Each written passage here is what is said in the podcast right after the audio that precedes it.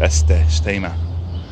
Evo, pre jedno godinu, dve su počeli na sve bandere da ugrađu ove velike kutije limene.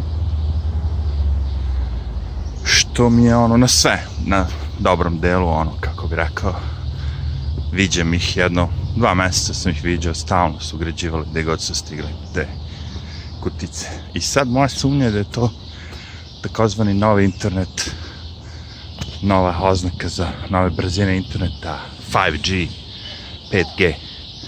Pošto već vidim da telefoni se počinju da se spremaju, recimo pojedini ovaj Motorola telefon, ona već ima, ja mislim, dodatak s kojim možete 5G. I šta ovo fino ptičice što crkuću. Ovo je njihovo drvo. Drvo za ptičice. Možda ih neko hrani. Da, da. Evo ga fino, lepo sređeno. Lepo, vidi.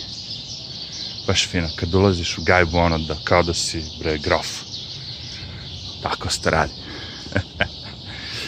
Evo da, šta ste joj kažem, mimo tih već gledao sam dosta na internetu ovaj, ljude koji idu i mere stepen radijacije, zračenja, da kažemo, ovaj, od svih tih antena koje služe za internet, mobilnu, mobilni internet, ili tako. Sad evo ako vidite, sad ću probati da zoomiram baš, recimo to su vam ove, ovde barem u Njurku, to su vam te antene, i negde ih ima baš dosta ono kao. Uglavnom nisu na najvišim zgradama, nego na nižim, tako 4-5, da bi ljudi koji žive, znate, u stanovima mogli da imaju dometi. Ali ako bi stavili na najvišu zgradu, imali bi ti gore na vrhu. Evo, sad ću vam pokazati koliko ih je. Gledajte gore. 2, 3, 4, 5, 6, 7, 8, što ja vidim. Znači, ne na najvišim zgradama, nego tako to. I sad kažu ljudi da ti ljudi koji su žive gore, ispod tih antena, da počinju da osjećaju nelagodnosti, probleme, a, i ono, ovaj lik išao i merio, to zrači. Ima radijaciju određenu, razumite, koja je ono, kao, postoji, može da se izmeri sad. Radijacija nije nešto novo, to imate recimo i kad letite avionom, izlažete se ono radijaciji, naravno, kad idete kod doktora, ali ovo je nešto drugo.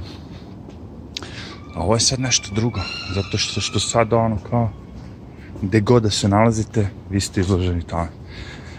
E, I sad priče za taj 5G, znači o kome sam malo pre spomenuo, da je toliko moćan i jak, da će bukvalno da zameni kablovski internet, da kažem. Up, treba sam da odem u prodavnicu, da, zeznok se. Dobro, i ta prodavnica je naravno dole. Ha. Ali dobro, vratit će se. Uglavnom, uh, kažem, znači ta nova mreža 5G bi trebalo da ono prodire u stanove u fazonu sa super brzim internetom, ono. Znači, zaboravit će ljudi i na Wi-Fi, i na kablovsku, i na sve, nego će početi da koriste to kao. To je future, kao po njima. Pošto je, naravno, da je mnogo lakše da bežično svima onda će mnogo više ljudi biti pokriveno i plus što će mobilni telefoni, smartfoni da rade mnogo brže, onda je tako, informacije će da lete. Sve što hoću da kažem da ti likovi kažu da to, da će to mnogo da zrači.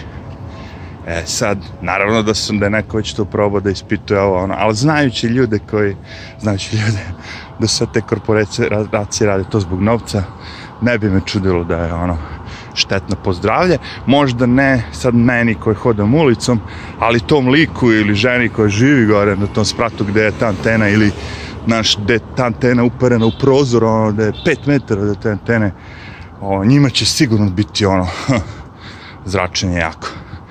Jer, ovaj, nemam pojma, kažem da bi se to da bi se postavile te brzine i sve to, tehnologija mora da naprede, znači mora da ide sve kroz zidove, znači ako, zid, ako imate 3-4 zida, da kažemo, oni, oni idu na tu foru da naprave nešto što će da radi i da prođe kroz tri zida, znači čim može da prođe kroz tri zida, a prolazi kroz vaše telo, ono, ko zna kojom brzinom i šta vam radi. Sad, pošto, znaš, on, dok se to pojavi, pa dok prođe 15 godina, pa dok se dokaže, i na kraju svi mi volimo luksus, brzinu, sve to. Neće se niko ni buniti, razumete? Ma čuti kao, znaš, šta sad malo, levo desno. E sad, ja se nadam da će to biti cool, ne bi volao da završimo onako kao da sam non stop na snimanju pluća, ako me razumete. Dobro, vidjet ćemo kako će to, to se ja mislim sad bit će ono 2019. 2020. ovde, pa ćemo vidjeti šta kažu stručnici. Ajde, pozdrav.